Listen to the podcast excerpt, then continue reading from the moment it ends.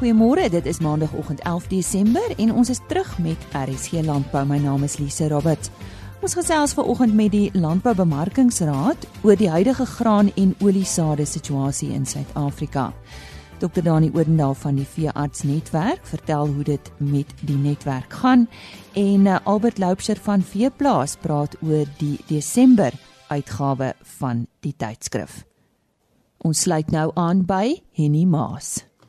Dis nou weer uh, tyd om met Albert Lubse te praat van uh, Veeplaas. En ons praat oor die inhoud van juist die tydskrif Veeplaas. Albert. Ehm um, hierdie is dan die Desember uitgawe wat nou tradisioneel ons uh, vakansie uitgawe is.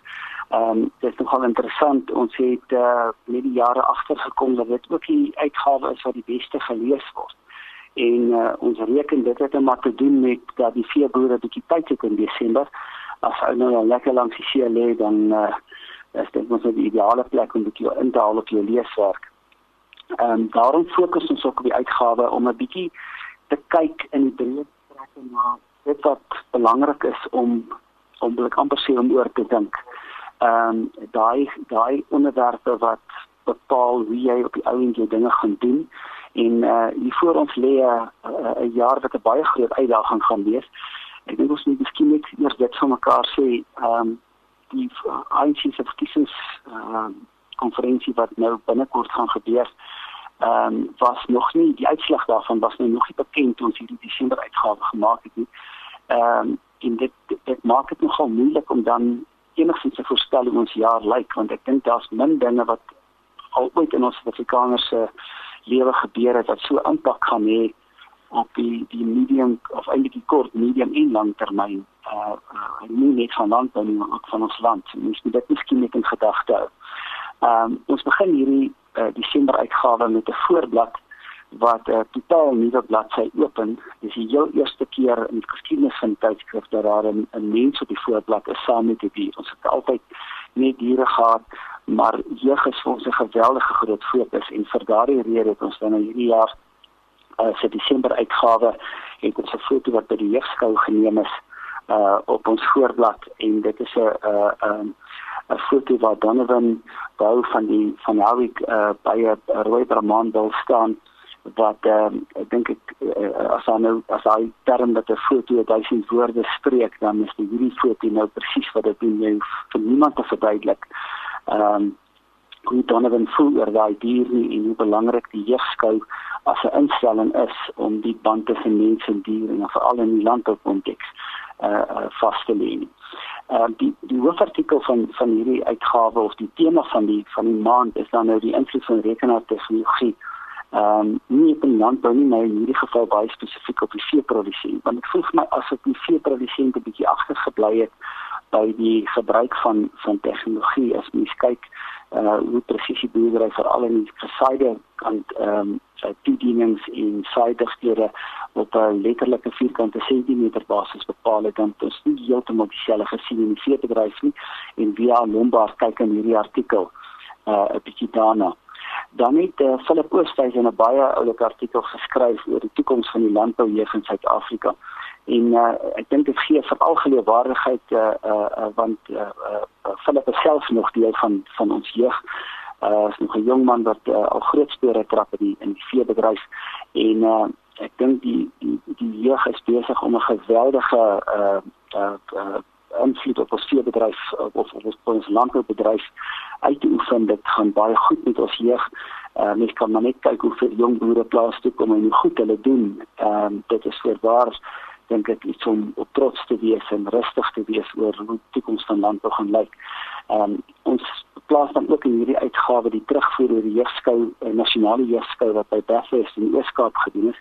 En ek dink dis nou 'n perfekte uitgawe om 'n bietjie te gaan kyk waar Boetie en Sissie was uh, in September vakansie want ons het geweldig baie foto's geplaas wat 'n uh, redelike goeie fotodekking gaan gee van al die gebeure en almal wat betrokke was en almal wat alles uh, waar gewen het. Ek dink nog 'n regtige uh, uitgawe wat wat die jeugskou ouers spesifiek baie gaan geniet. En terwyl ons op die jeugtema is, uh, by Alpha het ons vir die eerste keer 'n uh, landbouskool kompetisie gehou waar die verskillende landbouskole teen mekaar meegeding het op verskillende dissiplines en dit is nou van uh, uh, elke skool het 'n kans gekry om 'n uitstalling te gee van hulle skool om uh, uh, hoe hulle bemarkingsveld doorloop. Uh, hulle het jeugskout in mekaar gedoen uh, wat absoluut die hoogtepunt was was die interras kompetisie tussen die vier wat by die verskillende skole staan wat mekaar mee geding het. Daar was 'n bolhantering, daar was 'n afslagskompetisie, daar was 'n junior uh uh um uh kuifvoer kompetisie gewees as ook 'n junior slaghospetisie. So daar het 'n geweldige uh, ek dink ek 'n uh, intense kompetisie tussen mekaar en op die ou ende was dit hoogs hoërskool wagpos wat nie die Laura weggeloop het en dan was daar ook 'n artikel oor wagpos uh, uh oor hierdie prestasie wat hulle dan ook behaal het. En dan in die, in die bedryfskant is daar dink ek 'n artikel wat uh, vleisboere baie definitief sou moet lees uh want ek dink dit gee vir jou baie goeie perspektief van van hoe dinge vorentoe gaan gaan en dis 'n artikel wat Koos de Pesani gedoen het uh, onderhoud wat hy gevoer het met Alex Ferreira van die GBK en dit het spesifiek gegaan oor veranderinge in die vleiswaardeketting en hoe boere hulle self moet aanpas vir hoe die die die die waardeketting uh, veranderinge dikteer om sukses vir die toekoms uh uh dan relevant te maak. En dan is daar ehm, 'n um, hele paar ons was daar in hierdie uitgawe wat ek dink nogal 'n lekker terugvoer gee van verskillende geleenthede uh, uh wat wat gebeur het. Onder andere ehm um, terugvoer oor die oor die Windhoek skou uh terugvoer oor die uh Lastok Expo wat in in uh, uh die Kaap aangebied is ensovoorts so ek dink dis 'n paar lekker terugvoer geleenthede wat uh mense net die foto's kan gaan kyk oor oor uh wie was daar dan is daar 'n baie mooi artikel wat uh Donnie Wessel geskryf het vir ons na 'n besoek wat sy in Switserland gehad het en uh, dit is altyd uh, interessant om te kyk hoe ander lande handel met dit wat ons ook ken. Die veebedryf in Switserland is bepaald anders, maar dan sien mense ook die wortels uh, van wat uh, uh, waar ons veebedryf vandaan kom en wat hulle daar doen. Uh, dan is daar 'n artikel deur Karen Center oor die swartlooppense wat gedei in Ooskaap. Ek dink nog 'n regtige 'n uh, besondere artikel waar uh, uh, baie spesifiek geteel word vir horinglente uh, deur Leon Vos en Seuns en dit uh, dit wys nogal uh, hoe suksesvol dit is wanneer jy besluit waarvoor jy teel en fokus daarop. Ehm um, Gouvoer is alweer op die agenda. Dit is amper die uh, afskop weer um, wat ons uh, eerste en volgende jaar is van die Santam nasionale gouvoer kompetisie wat deur Veeplas aangebied word. Ehm um, en ek het vind dit 'n baie goeie artikel geskryf oor die gouvoer terminologie uit te klaar dat hy presies weet waarvan jy praat en dan is daar ook 'n 'n 'n 'n terugskouende artikel wat Isa kyk na uh, hoe die kou vir kwaliteit oor die tyd wat die kompetisie nou aan die gang is uh, verbeter het. Dan is natuurlik die ou vraag van of ons moet skou of nie. Daar is 'n baie suksesvolle aanbieding van die Hinterland nasionale interraskampioenskappe wat by Alfa aangebied is en uh, ek dink dit sit weer die die vraag op van watter rol skoue in in in, in teeling in toekoms gaan speel en ek ek hoop dit gee ook 'n bietjie lig oor hoe ons osself kan posisioneer. Uh, uh een van die definitiewe hoogtepunte in in, in die Desember 4 klas artikel wat om Andrius Gous geskryf het oor dubbelbesturing. Ek dink uh daar is 'n element van wat is feit en wat is fiksie. dit was iets wat uh mense baie maklik gegryp het en nie gehardloop het as sy net verkeerd of nie goed uh, terwyl daar eintlik 'n klomp wetenskap agter dit is en mense baie goed moet weet waarvan jy praat en, en hoe daarna moet kyk. Dink veral vir rasse waar waar dubbelbesturing uh onder bespreking is is dit definitief 'n uh, uh, uh, artikel wat wat deel is van geniet. En dan in die dieregesondheidskant miskien net uh, laastens 'n uh, uh, baie belangrike artikel uh wat Dr. Brand van Sittert geskryf het oor vee en brommers um, en baie spesifiek onder na hierdie tyd van jaar is uh, Veeplas het nog altyd probeer om in terme van die tydskonteks te skryf. Uh, Desember boek gaan dan byvoorbeeld oor die uitdagings van Desember en ek dink vee en brommers veral nou dat die in baie dele van die land uh, ons vir reën gekry het gaan definitief 'n uitdaging wees en vroeër en hoe vinniger mense dit aanspreek hoe beter is jou kans om daardie ekkie te spring. Uh, en 'n groot uitgawe wat boere gaan geniet is veral vir my opmerklik dat die die veilings uh, afdeling wat in Desember gewoonlik nie so dik is nie, uh tog 'n hele klein veilings het oor die oor die nuwe jaar. So uh uh wanneer ou 'n bietjie tyd het en jy kan 'n bietjie jou leeswerk uithaal uh, inhaal, dan dink ek dit gaan 'n goeie tyd wees vir jou om te spandeer om 'n bietjie die veeplaas deur te kry en jouself reg te maak vir wat ons hoop 'n baie mooi jaar in 2018 gaan wees. En, en dan sal ek ook baie graag net van die geleentheid wil gebruik maak uh om vir elke leser van veeplaas, maar nie net ons lesers nie, elke betrokkene in landbou 'n baie geseënde Kersfees te doen. Ek dink ons kom deur 'n 'n 'n jaar wat uh, sy uitdagings verseker gehad het. Ehm um, 'n uitdaging wat as 'n jaar wat as dit ons een lesie geleer het, is dit die die wonderlike genade wat ons kry elke dag om om boere te kan wees, om uh, in landbou te kan werk, om in die voedselketting te kan wees, om te kan produseer. Ehm uh, maar dan ook as mens kyk na al die uitdagings en die gevare plaasmoorde en al die goed wat wat in die laaste tyd uh, baie algemeen geraak het in landbou dan besef jy so groot is die genade as ons uh, hierdie Kersfees almal kan saam wees en en dit saam kan geniet. So van die die hele redaksie van Seeplaas as ook al die personeel van Plaas Media 'n baie geseënde Kersfees vir al ons lesers en al ons luisteraars en al ons kykers en almal wat ons geleenthede bywoon uh, mag dit vir julle nie net as as uh, boere en as landbouers maar ook as gesinne 'n besonder geseënde tyd wees en ons hoop dat ons almal mekaar weer saam in landbou sal sal kan ervaar in 2018. Daar sê Albert Loubser van Veeplaas. Ons volgende gesprek is met Christo Huber van die Landboubemarkingsraad se Navorsingsentrum. Ons gesels met hom oor die huidige graan en oliesade situasie in die land en ook oor die vraag en aanbod komitee wat maandelikse syfers uitbring oor hoeveel grane en oliesade gebruik word as ook in en uitgevoer word. Christo, die Nasionale Landboubemarkingsraad publiseer maandelikse syfers aangaande die vraag en aanbod van Suid-Afrika se grane en oliesade. Vertel ons bietjie meer. Dis korrek, Lize. Die Bemarkingsraad is die fasiliteerder van 'n inisiatief wat ons die Suid-Afrikaanse Vraag en Aanbod Ramingskomitee noem. Die komitee raam elke maand hoeveel graan grane en oliesade verbruik gaan word vir daai spesifieke seisoen. En dan ook hoeveel grane ingaan voer voer word of uitgevoer word sou ons met 'n surplus sit. Verdere inligting word ontvang van ons rolspelers in die bedryf, tipies instansies wat grane invoer en uitvoer. Die inisiatief het sy ontstaan um, 'n hele paar jaar terug nadat Graan Suid-Afrika 'n statutêre maatreël aangevra het vir die verklaring van toekomstige invoere en uitvoere sodat 'n ou nie met 'n situasie sit waar ons in 'n een seisoen van 'n invoerpariteit situasie of kom ek noem dit eerder 'n uitvoerpariteit situasie omswaai na 'n invoerpariteit as gevolg van te veel graan wat uitgevoer word. Maar hoe kan 'n produsent en rolspelers die inligting tot hulle voordeel gebruik? Wel hierdie inligting is verskriklik belangrik. Ek meen ons werk met vraag en aanbod hierso. Dit vertel die storie van hoeveel graan beskikbaar gaan wees hoeveel benodig gaan word om in te voer sou dit wel en ons sou ons wel in 'n situasie inbeweeg dat ons tekort het of hoeveel grane uitgevoer gaan word. Prys reageer deur hierdie inligting en bring baie meer deursigtigheid in die mark. Hoe is die komitee saamgestel en hoe hoe word dit gefinansier? Daar die komitee bestaan eh, uit 'n uh, verteenwoordiger van die oeskattingskomitee, uh, mevrou Marda Skeepers en Rona Bekes, hulle is wel bekend in die bedryf.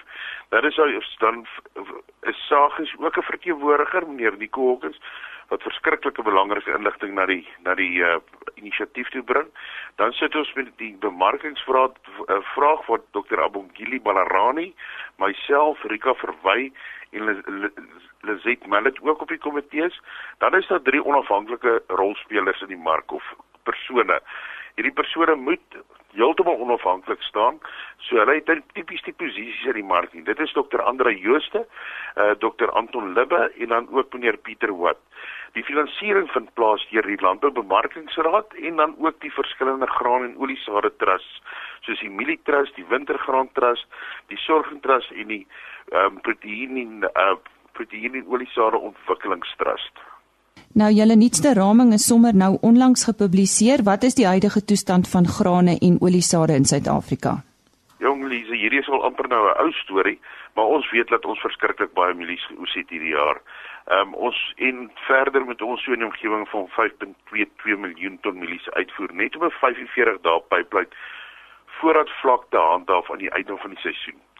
Tot en met die tot en met einde November of 24 eh, November rondom het ons van 530 000 ton witmielies uitgevoer en 1.058 miljoen ton geelmielies uitgevoer. So ons gaan sien die uitvoere gaan stadig. Ehm um, en so dit beteken dat ons omtrent 5 6 maande oor het waar ons nog 3.6 miljoen ton mielies moet uitvoer. Sou die prys kompeterend wees met die wêreldmark. Dan moet ek ook net by bynoem dat ons vermarkingsseisoen eindig 30 April. So dit beteken so rondom 720 000 ton uh mielies wat per maand moet uitgaan. Ehm um, en in die konteks gesien beteken dit hier soos negatief van hierdie groot skepe per maand wat wat wat die mielies moet uitvat. Sou ons net op 'n 45 dae pipeline voorraad voorraad vlak wil wees. Sjoe. Dit is baie. Wat voorsien julle vorentoe vir die land se voorraadvlakke, Christo?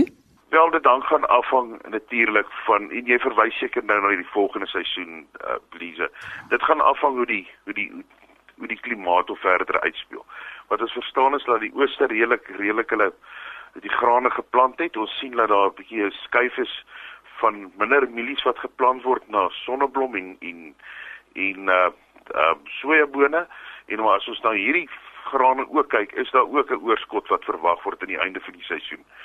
So, ehm um, ek persoonlik dink 'n ou kan heel waarskynlik sien dat pryse maar maar bietjie onder druk gaan gaan gaan bly vir die produsente wat natuurlik nou nie 'n baie goeie goeie ding is die ouer graag jy laat almal in die ware ketting oorleef en en dit seisoen deursien. Ja, wel hierdie prentjie wys nou duidelik dat wat dit 'n effek het op voedselpryse en voedselsekuriteit. Uh wat kan ons as verbruikers verwag vir die toekoms? Is 'n baie gunstige situasie vir voedselsekuriteit en dan ook kan ons verwag dat voedselpryse nie verskriklik vinnig gaan styg nie. Wat ons reeds gesien het dat daar baie dat daar sywaartse beweging op hierdie stadium stadium plaasvind. En wat kan ons primêre graan en oliesade produsente verwag? Mielieboere se winste gaan onder druk wees. Dit kan ons verseker verwag. Ek dink nie ons kan verskriklike stygings verwag nie en vir ten minste die volgende 2 jaar. Die boodskap aan ons produsente is dat hulle bemarking uiters versigtig moet wees en baie deurdag moet wees. Hulle moet oordeelkundig marginale gronde plant. Ehm um, en dan die boere wat 'n beesfaktor het, gaan jy waarskynlik verder fokus baie van die grane deur die beeste te druk. Ek dink ook die hoë beesvleisprys gaan 'n rukkie met ons wees en voortduur dan dink ek ook ons behoort 'n stygings te sien in die vraag na varkvleis en hoendervleis. Maar as jy nou weer gaan kyk na die uh, voëlgriep situasie, dan sit dit ons hoenderproduksie bietjie onder druk. En as jy ou gaan kyk hoeveel ehm um, hoendervleis ingevoer word, dan is ons redelik op 'n gelyke syfer wat ons verlede jaar gesien het. Maar nou ja, soos wat ek nou net genoem het, nou nou, nou ervaar ons dat ons hoenderproduksie bietjie onder druk kom. Daar is 'n groot vraag waar gaan hierdie ander hoendervleis vandaan kom? En ons jaar vir hoendervleis is amper al uitgeput. So, ehm um, ek dink ons het interessante tye daarso die baie van die ouens as as 'n ou spesifiek gaan kyk na die eierpryse. Dit is ook baie onder druk vir die verbruikers se kant want dit is suiwer as gevolg van die voëlgriep. Om jy af te sluit, uh, net vir die interessantheid, watter faktore beïnvloed die vraag en aanbod van grane en oliesade? Eerste eerste plek, die plaaslike voorraadvlakke. Dit's baie belangrik dat 'n ou moet weet wat binne in die land aangaan. Dan natuurlik die internasionale voorraadvlakke en ons het verskriklik baie grane in die wêreld hierdie stadium. Die voorraadvlakke is regtig waar baie baie baie hoog. En dan die wisselkoers natuurlik as ons rand baie swakker raak, um, of as hy depresieer soos wat ons wat ons het uh, ook baie stel, dan beweeg die invoer en uitvoer pariteit som beweeg dan opwaarts. As hy sterker raak of appresieer, dan beweeg hy afwaarts. So die wisselkoers het 'n baie groot invloed op en dan verder die vooruitskouing vir die seisoen. Hoe sien die mark wat gaan gebeur? En ek dink jy as 'n ou vinnig nou kyk waar die pryse heidaglik staan en hoe die toestande lyk en die reën voorspel, hoor ek hulle baie ouens sê vir ons dat ons uh um ons seisoene maar aanbeweeg en laat die reën 'n bietjie later kom.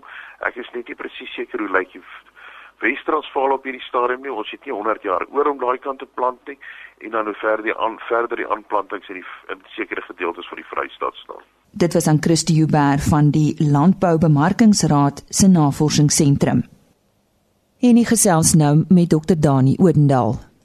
As 'n mens die uh, naam Dr Dani Odendaal hoor, dan dink jy onmiddellik aan die veearts netwerk. Uh, Dani, hoe lank is uh, Fiat netwerk nou al aan die gang? En net so meer as as 10 jaar van ons offisieel begin het en ek meer voltyds my my tyd daaraan spandeer het of of gedeelte van my tyd daaraan spandeer het.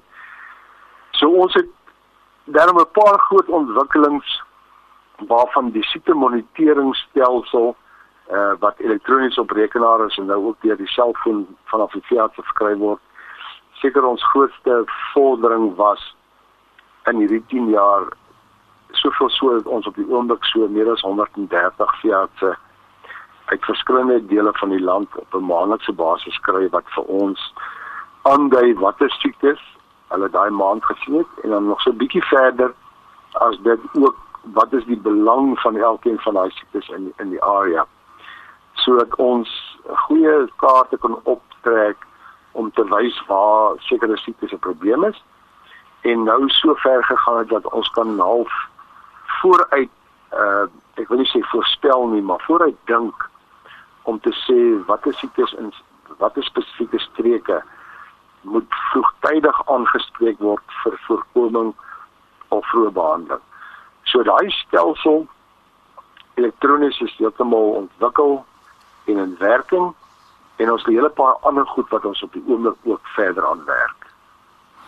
Ja, jy praat nou van uh, die moniteringstelsel. Hoe, hoeveel mense gebruik dit? Het jy 'n idee uh, sy gewildheid? Die manier wat ons dit op die oomblik aanwend is ons doen dit die projek in samewerking met die Herkou Fiat Vereniging. Ehm um, en dan Dr. Fafa Malang, hy is die ouens ou wat die ouens altyd aanspoor om maandeliks te rapporteer en dan verwerk ons dit en ons versprei hierdie inligting in elke boere nuusbrief uh of of tydskrif wat ons kan. Dis op die oomblik hoe ons dit aanwend en en daar's dit baie gewild. Uh ek dink nie as een van die tydskrifte waar sonder wil gaan nie. Uh, ons moet dan die volgende stap kyk om dit meer in praktyk te kan gebruik om dit vir elke boer te kan deurgee. En dit sal seker binnekort moontlik wees waar jy dan vir al die vroeë waarskuwingsstelsel daai stelsel wat so sê hierso is 'n probleem om te ontwikkel of hy klaar ontwikkel en hoe trek hy uh om dit op selfoonvlak na die boere te bring. En ons is baie meer ver gevorder, maar wat gewoonweg aan betref, ek dink die boere sal vir jou sê dit wat hulle in die tydskrifte kry is iets wat voorheen glad nie bestaan het. En, en kan uh, dit uh, op jou en so werk dat 'n mens 'n uh, soort van 'n toepassing 'n app kry wat boere op hulle selfoon het? Ja, ons het klaar die app wat wat vir Fiat se werk omdat die se die siekte self diagnoseer. So hulle kan vir ons sê dis die siekte wat daar voorkom.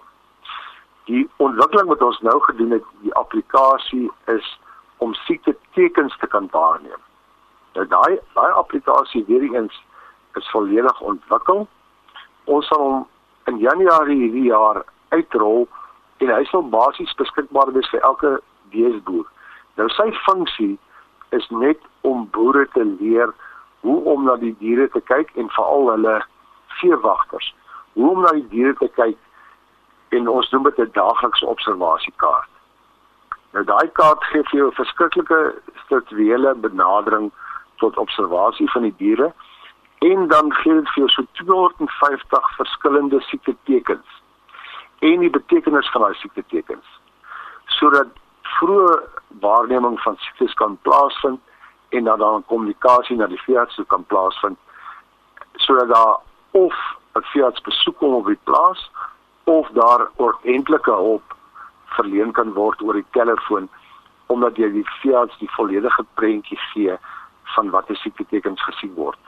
Ons kan nie net 'n foto instuur, een enkele foto of twee sinnetjies sê en probeer dink jy kan uh hulp daardie kry nie. Jy moet die volledige prentjie soos dit op die plaas gesien word en oor tyd gesien word. Dis kom ons om praat van daaglikse observasie.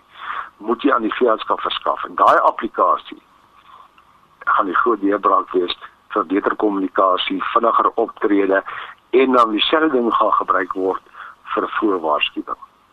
En wanneer jy gesê gaan hy gereed wees? In Januarie gaan ons hom uitrol in die hele KwaZulu-Natal, baie spesifiek. Uh, en ons maak gebruik daarvan die uh, dieregesondheidstegnisie wat almal toegang gaan tot hom gaan hê en dan sal ons hom verder uitrol na die kliënte van Fiat wat tans reeds op Fiat netwerk is. Ons het interessante dinge daarby die uh, Fiat netwerk. Dit was Dr. Dani Oudendal. Net voor ons groet landbou nuus ten einde groei en momentum aan die plaaslike wyntoerisme markte verleen, het Winpro vir Marisa Nieuwoud as wyntoerisme bestuurder aangestel. Haar aanstelling vorm deel van 'n wyntoerisme strategie wat samewerking tussen die verskeie belanghebbers in die wyn- en toerisme sektor, die regering en privaat sektor bevorder. Die wynbedryf se strategiese raamwerk bekend as WISE het wyntoerisme as 'n sleutelprioriteit vir groei in die sektor geïdentifiseer.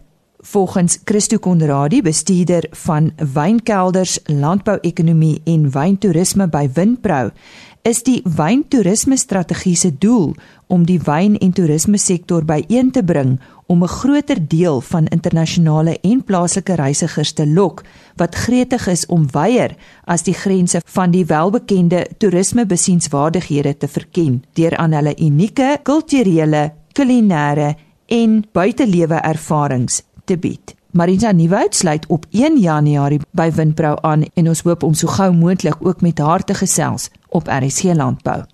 En dit is dan al vir vandag. Môreoggend kan jy uitsien na 'n gesprek wat ek gehad het met uh, die nuwe hoofuitvoerende beampte van die varkvleisprodusente organisasie Johan Kotse. Ons het ook die onlangse Agbiz vir uitskouing bygewoon en ek het daar gesels met Dr John Purchase. Dit is van die onderhoude môreoggend. Onthou om weer by ons aan te sluit om 05:30. Tot dan, totsiens.